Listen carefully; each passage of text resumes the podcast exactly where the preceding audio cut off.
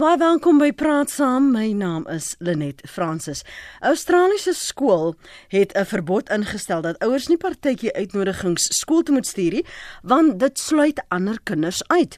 Genooide gaste, dis nie die kindertjies, mag ook nie partytjie planne of uitnodigings tydens klastyd bespreek nie.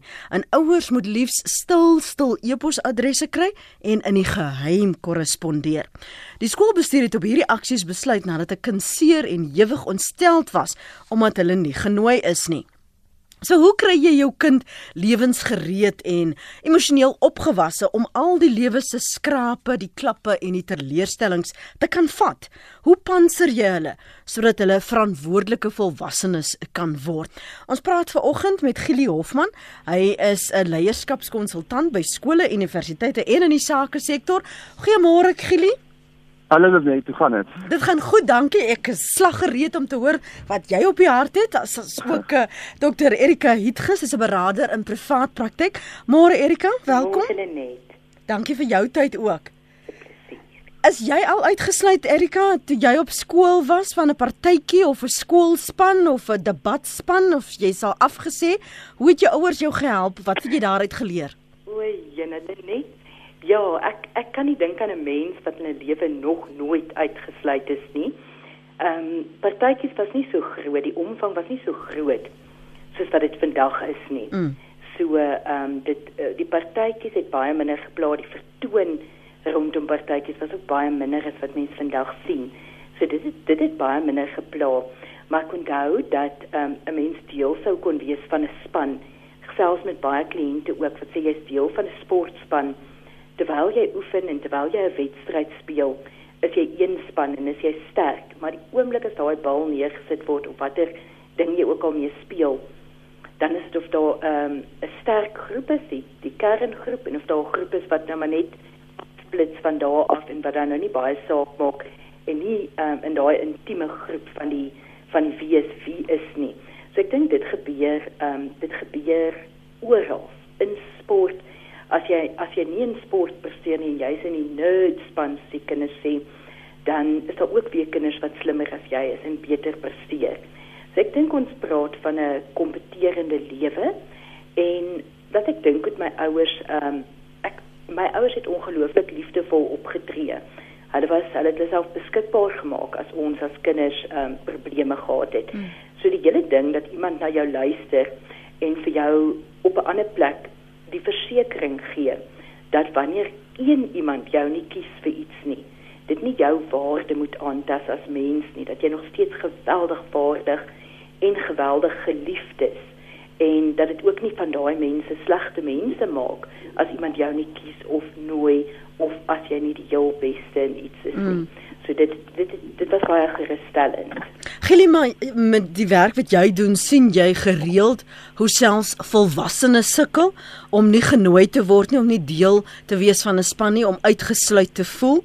Wat is jou woorde aan hulle? Wat wat presenteer in sulke gevalle? Is dit maar sit in die hoekie huil? Ek is nie genooi nie, ek is nie gevra nie. Niemand is lief vir my nie. Ja, dit is baie interessant. Ek dink daar's 'n direkte korrelasie tussen hoe jy geleer is om sulke goed te hanteer op mm. skool en hoe jy dit dan hanteer na skool. So skool bly 'n ongelooflike speelveld eintlik om hierdie tipe lesse te leer. Ek dink daar waar mense daarmee sukkel, jy weet as ek dit kan terugvat na die skoolvoorbeeld toe is, uh ek het ek is dankbaar dat my ouers my byvoorbeeld voorberei daarvoor dat as ek nie 'n span gemaak het nie of nie gepresteer het nie of nie so goed gedoen het soos wat ek verwag het nie, dan dan was hulle eenvoudige vraag wat gaan jy doen om volgende keer beter te doen. En um, dit het, dit was altyd uh, begelei in 'n positiewe rigting waar ek 'n uh, uh, jy weet verantwoordelikheid moes neem vir iets en iets gehad het om aan te werk en dan dan weer 'n bietjie hoop gehad het. Daar was nooit eintlik baie speling gewees daarvoor om 'n slagoffer te wees in so 'n gesprek. So as ek net met ouer mense werk of volwassenes werk wat daardie houding het dan dan kan mens dit altyd teruglei na dit is hoe hulle geleer is om te kyk. Jy weet dit is nooit hulle skuld nie iets wat hulle verkeerd gedoen het nie. En ek en ek dink iets wat wat sport en ander aktiwiteite op skool jou wel leer is, is dat jy nie noodwendig in alles gaan goed wees nie of die beste in alles gaan wees nie of nie vriende met almal kan wees nie. En daarom is deel van jou roeping en deel van jou pad om uit te vind waar jy goed is en wie jou eie mense is en by hulle uit te kom en dan maak al hierdie ander goed nie saakie. So ek dink hoe, hoe veiliger jy in jouself voel en wie jy is, omdat jy weet waar jy goed is en jy omring is deur mense vir wie jy wat, goed is vir jou, dan reg jy nie te veel waarde daaraan mm. as jy so genoemde verwerping ervaar nie. Jy het in jou inleiding gesê Erika dat die omvang van partytjies en uitsluiting is soveel groter weens die tye waarin ons leef. En so as ons praat dan oor ouerskap in 2019 en 'n skool maak so 'n besluit waar die niemand moet genooi word in die openbaar, niemand moet hoor daarvan nie. Jy moet maar stilletjies doen. Wat is die lesse wat jy uh, jou kind leer as jy hulle so in watte toe draai? Dit net is eintlik vir my verskriklik want dit voel vir my ehm um, gegrond op op 'n enkele kind se reaksie of daar nou 'n hele nuwe stel reëls geskep word en of alles gereguleer moet word sodat ehm um, sodat niemand seer kry nie. En dit is so 'n onnatuurlike manier om na die wêreld te kyk. Dit is so uh dit is so nie behulpsaam met die proses um, om kinders veerkragtig te maak nie. Mm veerkragtigheid word net opgebou deur situasies wat dit van mens vereis. So as jy altyd jou kind in watte toe draai, jy weet dis nou miskien die laerskool of die hoërskool, wat gebeur as hulle op universiteit is? So ek dink dit leer mense kind as ek nou eers gehuil het en vir my ma en pa gaan vertel het en 'n verskriklike boei gemaak het, dan verander al die reëls in die wêreld pas my. Maar dit leer 'n kind ook nie om frustrasie of hartseer te hanteer nie. Dit leer hulle wel dat hulle die wêreld kan manipuleer. En ek dink dis een hmm. van die swakste lesse wat 'n mens 'n kind kan leer. Ek stem saam met Gili dat ehm, 'n um, mens moet kinders bystaan om eerder te sê as jy nou 'n teleurstelling ondervind het, hoe hoe kan ons dit beter maak? Wat leer jy daaruit as jy nou nie genooi is nie? Hoe gaan jy maak om insluitend te wees teenoor ander persone? Of hoe gaan jy maar seker maak dat jou beste maatjie jou nooi en dat jy seker is jy's veilig in daai vriendskap? Gaan toets jou vriendskappe. En dit is die soort goed wat waaraan ek sou dink. Mhm. Mm ek wil net terugkeer na na een van die ander punte wat Gili gemaak het want ons is in ander tye, ons leef in ander tye. En jy sê ons kan nie keer dat 'n kind seer kry nie. Het dit tens nie al lank reeds begin nie waar ons van in plek van op skool veral jy sal ook weet waar in plek van te sê dis 'n swak uitslag of swak resultate sê ons daar is areas vir groei of ontwikkeling. Die eufemismes. Nee net ek hou vreeslik baie daarvan as mense eintlik sê daar's areas vir groei want ek dink ek dink tog ek wil nie hard wees met kinders nie jy wil hê hulle moet groei, hulle moenie twyfel aan hulle self nie. So as mens sê daar's areas vir groei, dan moet mens dit ook nou maar net kan gaan sit en definieer. Selfs as mens met volwassenes praat en jy gee terugvoer, dan is standaard goeie praktyk om twee positiewe uh response te gee en dan 'n meer kritiese, miskien 'n negatiewe respons, want so kry jy die samewerking van die persoon met wie jy werk.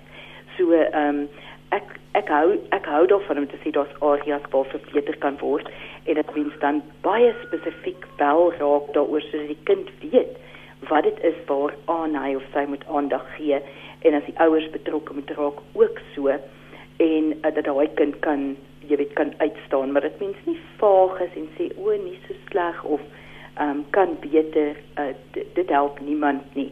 So solank dit 'n doel dien dan dink ek um, kan mens uh, maar mens moet nie vaag wees en slegte goed probeer wegpraat deur te sê daar's areas vir verbetering en daar stop nie. Wat hoe hanteer jy dit? Wat sê jy Gili? Hoe benader jy dit met jou volwassenes? Uh, ja, of met kinders is dit dieselfde, jy weet, mm -hmm. ek, ek ek hou van die idee van areas van groei. Ek dink dit is 'n daai tipe taal was 'n stap in die regte rigting, maar jy weet ons ons oral maar 'n kantelpunt of soos 'n tipping point ja. vir die Engelse mense sê, jy weet en ek dink daai Australiese skool is is besig om ons is op 'n kantelpunt waar ons gevaarlike terrein gaan betree as ons sulke besluite begin neem. As as ek met iemand werk wat byvoorbeeld 'n teleurstelling of 'n mislukking gehad het en dan wil mens op die einde opeindig met 'n met 'n plan en 'n idee en 'n verstaan vir wat gebeur het en hoe gaan ek dit in die toekoms beter hanteer in plaas van net te sê 'n verloor is 'n verloor. Ek dink altyd 'n um, 'n verloor of 'n mislukking of 'n teleurstelling is eintlik word baie keer nie genoeg ontgin om te leer en te groei nie. Waar ons baie keer dit net afmaak as sleg, um, is daar baie keer ook positiefs om daar uit te haal. So daai tipe taal het het 'n rol om te speel, maar soos wat Erika sê, dit kan nie net 'n dit kan nie net trooswoorde wees nie. Dit moet eintlik dan baie prakties eindig deur te sê as ons maandag terug is by die oefening, gaan ons hierdie en hierdie en hierdie goed begin aanspreek. Maar ek ehm, ek gee byvoorbeeld begeleiding aan ouers ook wat wat met dit kinders het wat op 'n hoë vlak sport doen en en een van die goed wat ek vir byvoorbeeld sê is jy mag op 'n stadium met jou kind praat oor wat in die wedstryd gebeur het. Maar besluit wanneer dit die beste tyd is. Is dit die oomblik as hulle direk van die sportveld afstap? of is dit die oomblik voor hulle nog met hulle afrigter gesels het of is dit dalk 'n paar ure later as hulle tyd gehad het om rustig te raak en alles weer gestabiliseer het en hulle velle weer bietjie dikker is en hulle meer oop is vir so gesprek. So ons ons vermy nie die gesprekkie, ons doen dit net op die regte tyd. En natuurlik gee daai tydjie ook dan 'n geleentheid as 'n ouer om bietjie te gaan redigeer wat is dit wat jy eintlik wil sê? Jy weet, want net na die hitte van die stryd dan dan borrel mense mond oor want jy die gemoedere loop hoog waar 3 of 4 ure later kan ek jy baie meer sin gaan maak en kan jy een of twee goed dalk identifiseer wat eintlik belangrik is. So uh, ons moenie wegskram van die moeilike gesprekke nie, ons moenie wegskram van kritiek of kritiese gesprekke partykeer nie. Ons kan dit net beter aanpas, maar ek dink om heeltemal 'n kind toe te draai en te weerhou van daai geleenthede is soos wat Erika sê bou ons geen veerkragtigheid nie en ons weet die lewe na skool vereis daai veerkragtigheid. So waar gaan jy dit dan leer? Een luisteraar sê my ouers het my geleer dat om genooi te word is 'n voorreg en nie 'n reg nie. 'n Ander een sê, ehm um, My kleindogter is in 'n kleuterskool. Elke jaar gee my seun met haar verjaarsdagpartytjie. Almal word genooi, 'n partytjie dan nou. Almal word genooi. Um dis goed om te sien hoeveel swart maatjies opgedag het met die ouers. My seun doen baie moeite en spandeer op daardie dag. Ja, die druk is veel. Jy wil niemand uitsluit nie, maar dit kos geld om almal uit in te sluit. Oh, dit kos baie geld. En dan sê en ek sal weet want ek het dit vir die jaar probeer. en nog 'n luisteraar sê ouers moet kinders leer dat hulle nie altyd hulle sin kan kry nie en dat hulle moet leer dat nie almal van hulle uh, gaan hou nie en dat hulle die teleurstellings moet kan hanteer. Dis hoe die lewe werk. Daar's 'n uh, Anna in Pretoria wat sê 'n kind moet die uitsluiting leer aanvaar, anders kry ons volwassenes wat nie kan nie. Um 'n geval van mishandeling en moord. Maar Pat is op lyn 2. Môre Pat. Môre Lenet. Praat met ons. Ek wil net ek wil net gou-gou sê in standaard 5 en standaard 6 en eh, het ek die twee teleurstellings van my lewe gehad. In standaard 5 het my is ek gekies om by die Eistedt te sing. Ek het soprano in die Engelse kerk gesing en toe breek my stem. Ai. En toe praat ek toe word ek gestraf omdat ek praat soos wat die wêreldbekende uh, Ivan Rebrov sang. Dan hoog dan laag, mm. dus ek mm. totaal mm. uit die wat uitgeskop. Ek moes die tel op op die op die uh, tennisbaan die klippies gaan optel as hy anders sang. Dit was my standaard 500 punte. Standaard 6 het ek Latyn gedop. Ek het nie belang gestel in Latyn en ek het dit gedop en vir dit was ek ook gestraf.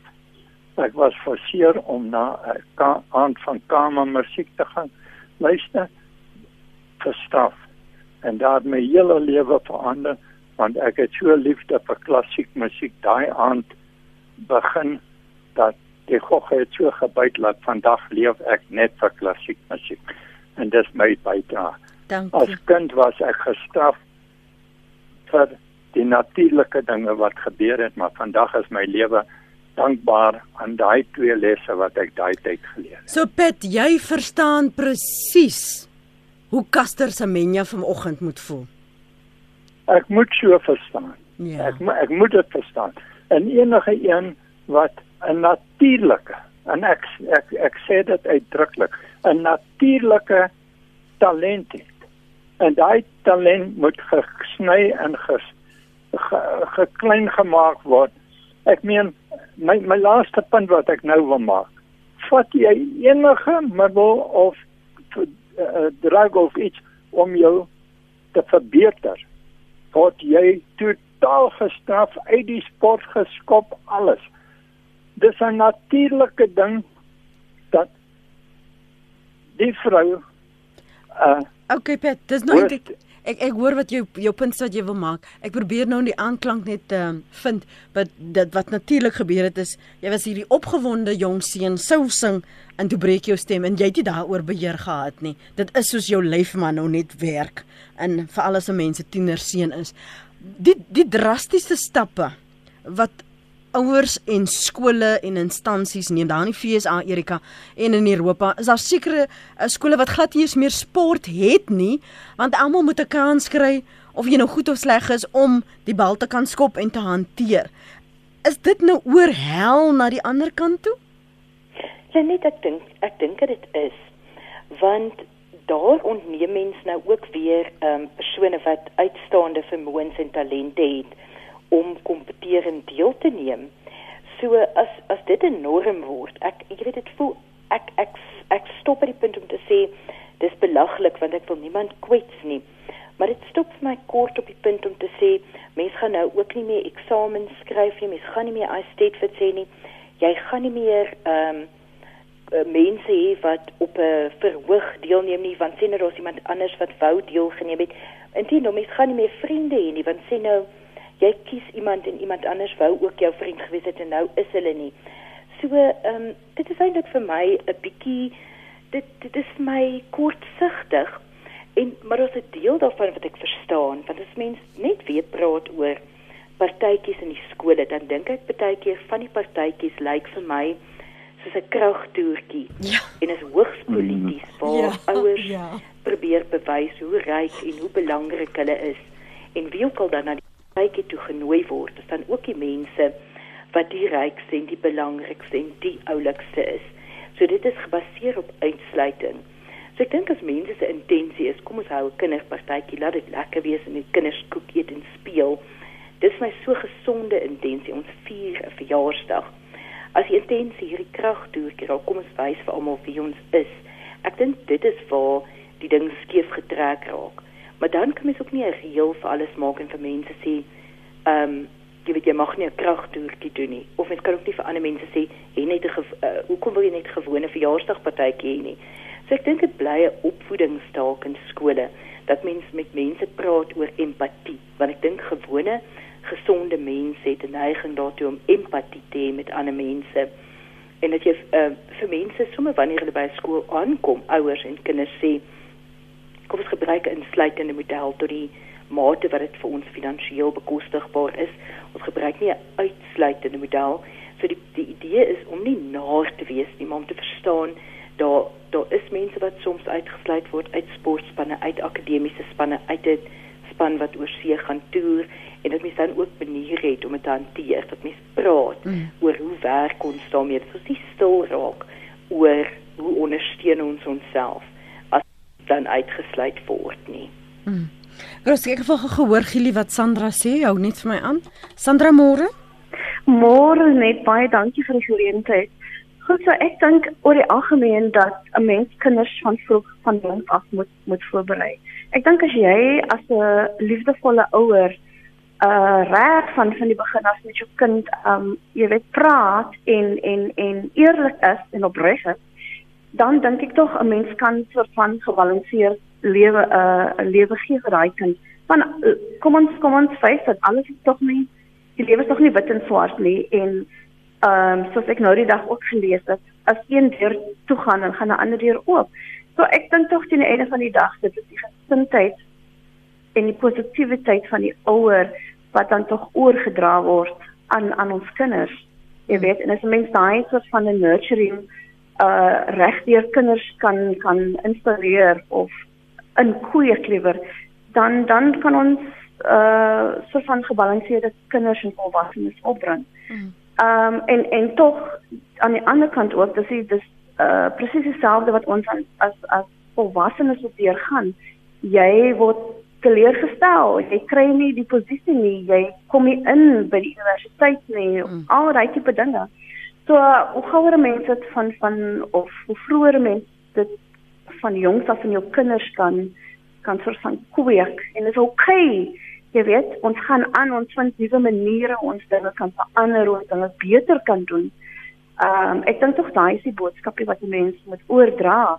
As jy byvoorbeeld dink ehm um, hoe ons as volwassenes teleurgestel is ehm um, vandag 25 jaar in demokrasie. Ehm um, dieselfde, jy weet, ons moet kyk hoe ons dinge beter kan maak vir vir onsself en en vir die vir die vir die toekoms.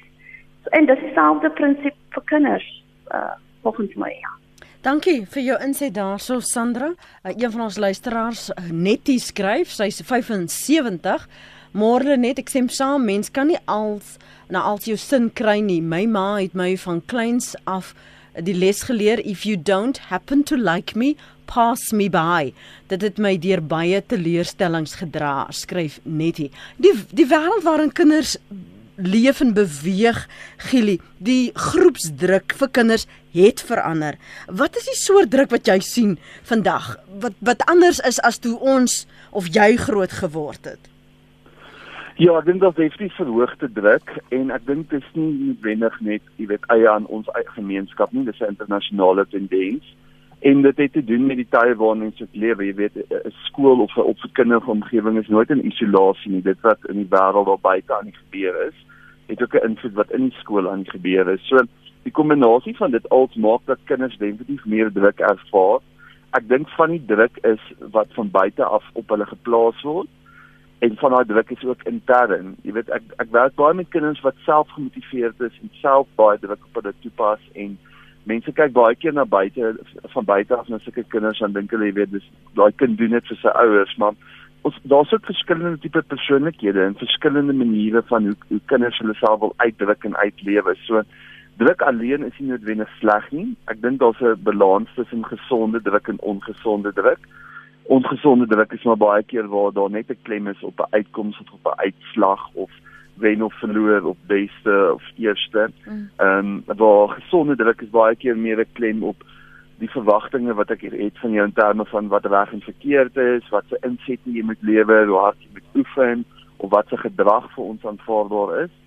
So druk alleen is nie 'n probleem nie. Ek dink ek dink die kinders ervaar baie druk om hulle loopbane begin deesdae op skool waar ek en jy destyds dalk nog hoërskool gesien het net as hoërskool beleef kinders vandag van graad 9 af die oomblik as hy daai vakkeuse maak dat sy loopbaan nou begin het. Ek het ek het verlede week met 'n 'n seun te doen gehad wat nou 28 is vir wie ek skool gehou het toe hy 17 18 was. En um, hy sê vir my meneer Gile ek is dit voel vir my of ek van 15 af al voluit hardloop want ek hmm. moes kering kry vir 'n kursus dit ek vir 5 jaar gestudeer Um, en nou is ek 5 jaar in die beroep en en oral waar kom is die hekkie net baie hoog. En en hy hy kom oor die hekkie. Maar daai hekkie was dalk vir my en jou eers op 22, 23 dae gewees. Vandag voel die kinders daai hekkie is al daar op op 15. En en dit is dit stel natuurlik ook psigologiese eise wat mens moet in ag neem. In die tyd wat kinders deesdae speel um met en Erika, miskien sal jy hier inkom as jy dink hulle spandeer so baie tyd met tegnologie. Um ek het nou die dag weer op sosiale media gesien ouers wat sê kinders weet nie meer hoe om te speel nie, om net rond op en af te hardloop nie. Hulle wil die hele tyd vermaak word, hulle wil entertain wees. Uh, hoe affekteer dit die brein se ontwikkeling en hoe jy, as jy as ouer wel daardie elemente van speel in 'n kind se gedrag wil inbou in sy ontwikkeling en groei? Hoe hoe doen jy dit?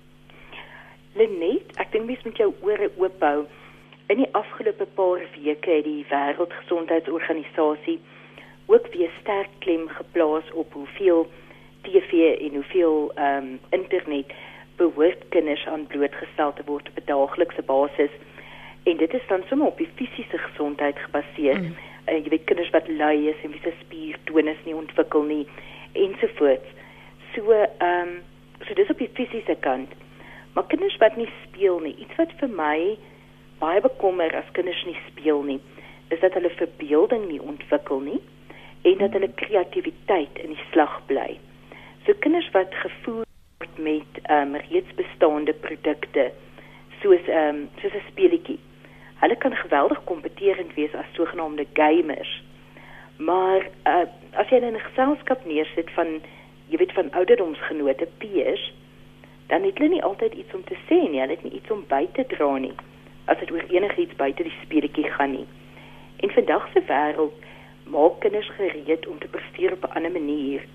Hulle kan nie meer meer net werk leer wat voor hulle neergesit word nie. Kinders leer moet vandag leer om kompeterend wees en as dit so is, moet hulle kan absoluut dink vir hulle self. Mm. So 'n kind wat nooit gespeel het nie, ontbreek geheel en al aan kreatiwiteit. En die ander ding wat vir my so belangrik is, is speel is eintlik 'n selfvertroetelende aktiwiteit. Dis iets wat jy doen wat vir jou lekker is, wat jou gerus stel, wat help met jou selfregulering, wat vir jou help om te projekteer wat in jou lewe gebeur en deur die spel oplossings te vind vir wat in jou lewe gebeur. So ek sou vir enige ouers sê, moedig ek weet dat die tegnologie is vreeslik belangrik vir ons almal en vir meeste ouers is dit belangrik om te sien op watter vlak van tegnologie hulle kinders kompeteer in speletjies. As jy kan sê ek het 3 besies in 'n vark um, op die gras rondgestoot in plastiek diertjies en jy weet 'n familie 'n rol daarmee gespeel. Maar dit is ongelooflik belangrik om mense kind net daai vrye tyd te gee om toe te laat dat hulle dit gaan ook oor keuses. Wat kies ek om te doen? So dit leer vir kinders om verantwoordelikheid te neem vir hulself. En as kinders na jou toe kom en vir sê mamma, pappa, ek is verveeld, wat kan ek doen? Ek het altyd my kinders gesê verveling is jou probleem, nie myne nie. So ehm um, verveling, ons moet ons kinders kan leer om hulle self 'n bietjie te stimuleer om ehm um, om te dink. Dit gaan van kleins af soos dan vir kinders net sê sit voor die rekenaar, sit voor die TV. Dan maak ons amper 'n uh, gangetjie toe wat vir hulle sou kon oop wees in 'n 'n alternatiewe ehm um, gedrag waardeur wat absolute kreatiewe denke ehm um, dan stop of oopmaak. Het sy jy dan daai ruimte vir jou kind gee of nie? Ek sien hier's 'n aanhaling ek neem aan dis joune. Ons kinders sal gelukkig kalm en gebalanseerd wees as hulle weet hoe om hulle liggaam te reguleer, oorweldigende gevoelens te hanteer en hul denkvaardighede te ontwikkel. Is dit joune? Erika?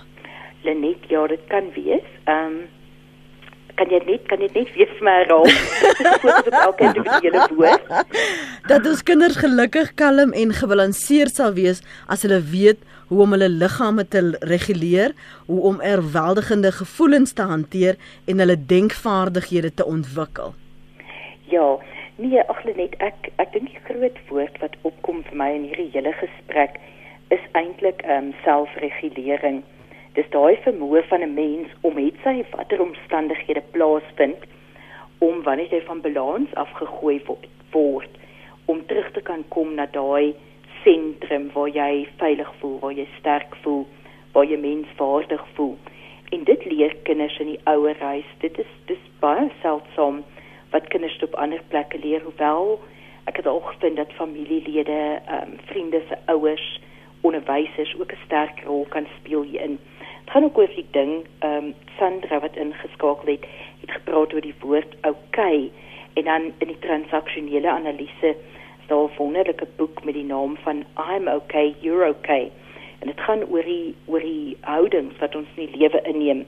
En die enigste sinvolle houding is die een wat sê ek is okay en jy's ook okay.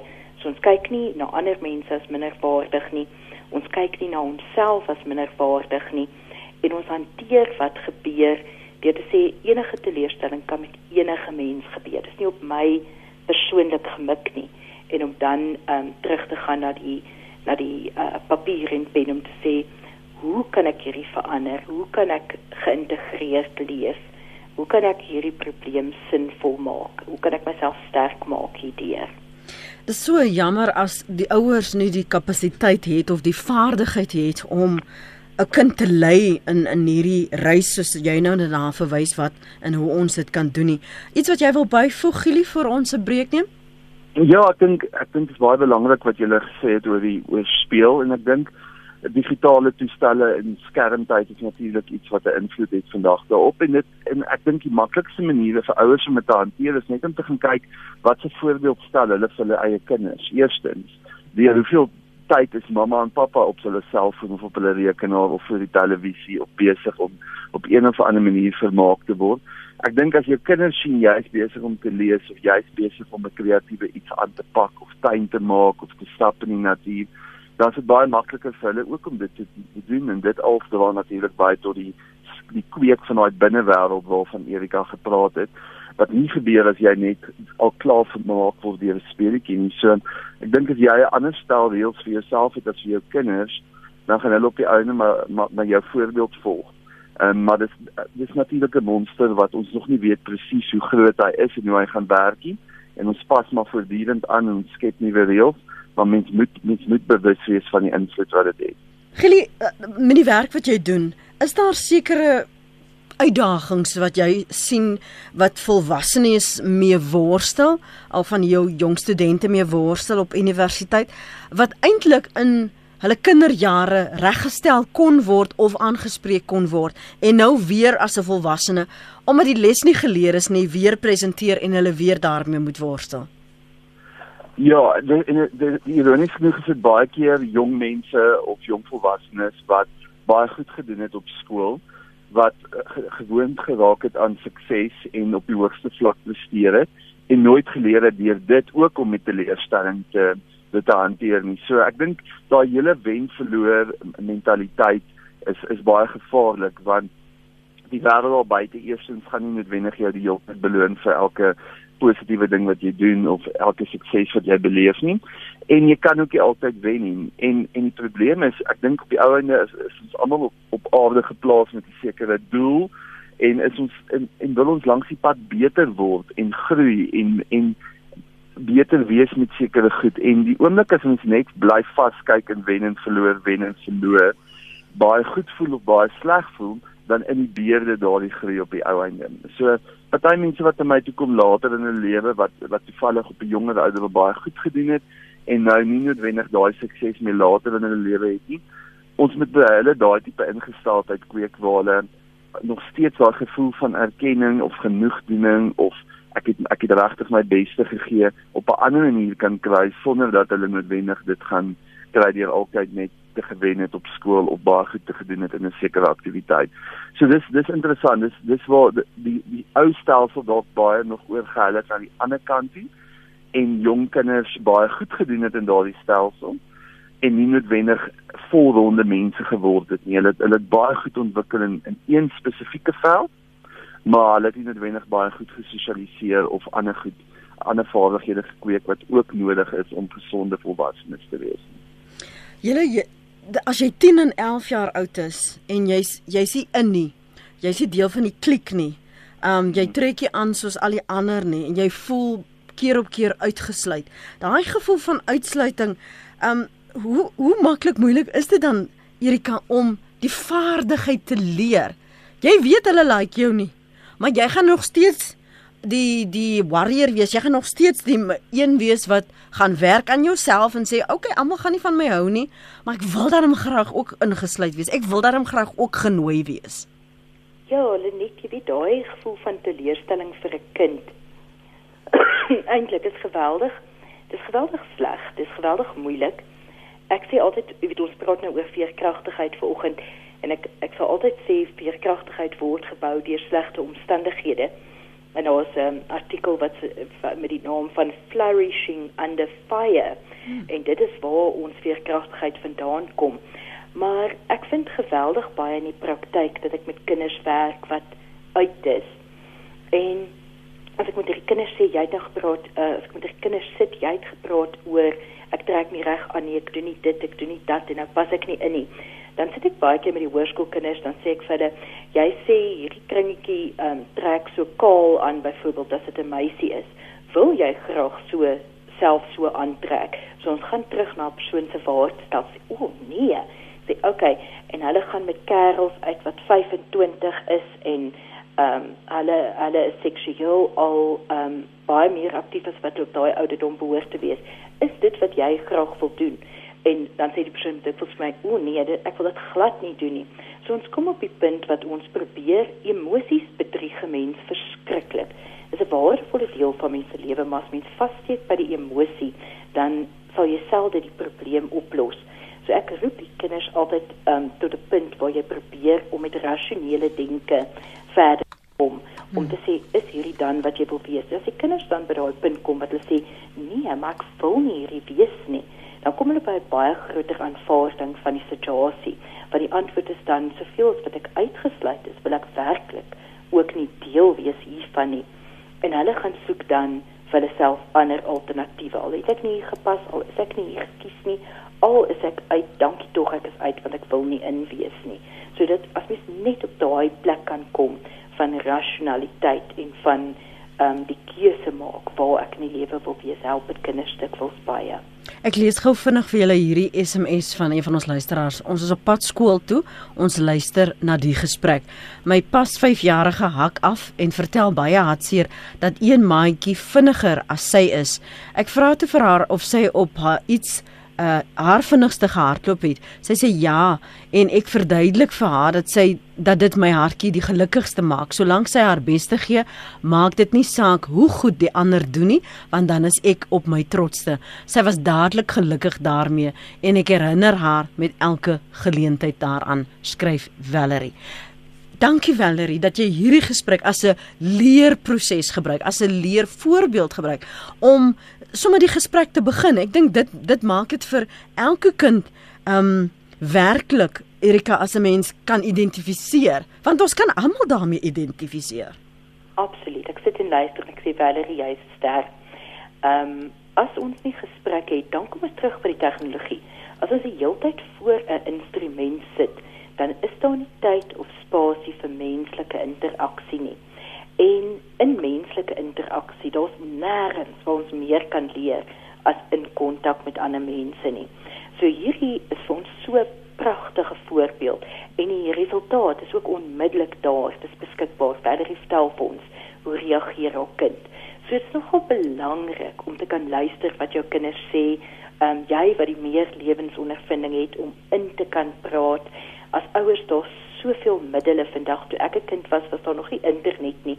My ouers moes maar op die hardste moontlike maniere leer hoe om hulle kinders groot te maak. Maar vandag daar's soveel boeke daar's soveel gespreksforums.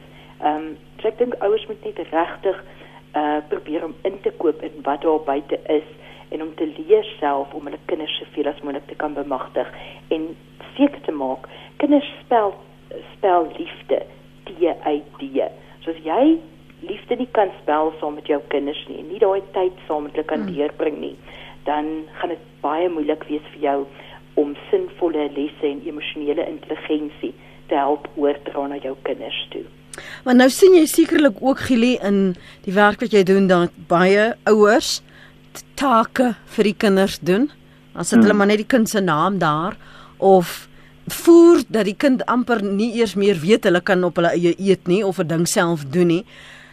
Hoe en wat sê jy vir daardie ouers wanneer jy sien kyk hierdie die kind het dalk nie 'n natuurlike talent nie. Mamma of pa forceer die kind want hulle het dit nooit kon doen nie. En dit gaan eintlik oor hul egos en hoe hulle vertoon en nie oor die kind se genot of ehm um, geluk nie. Ja, nee, daar's daar's klomp storielyne want daar's 'n eh, die, die een is ongelukkig dink ek is die kinders vasgevang in 'n in 'n skoolstelsel wat oor assesseer. Mhm. Mm so alles word bepunt. Niks word net gedoen om dit mee te doen nie. Elke ding word gekoppel aan 'n punt en daai punt word op die einde verwerk na iets te vir 'n rapport. En enige ouer wil natuurlik hê sy kind moet so goed as moontlik doen.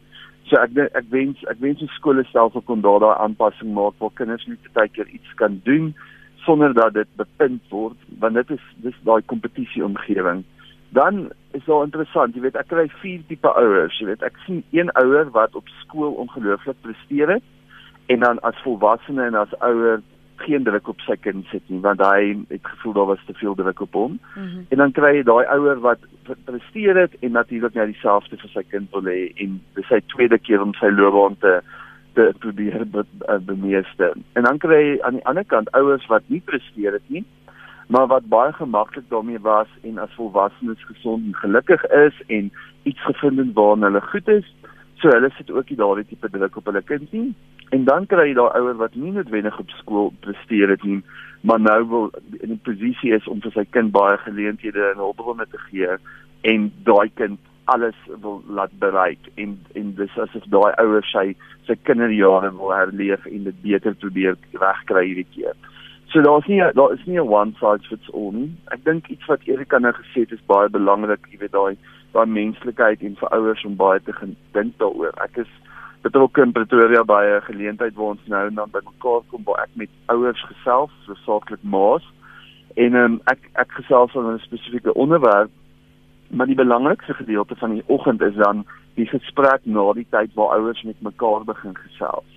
Waar 'n ma wie se jongste kind so oud is as iemand se oudste kind bietjie haar ervaring kan deel.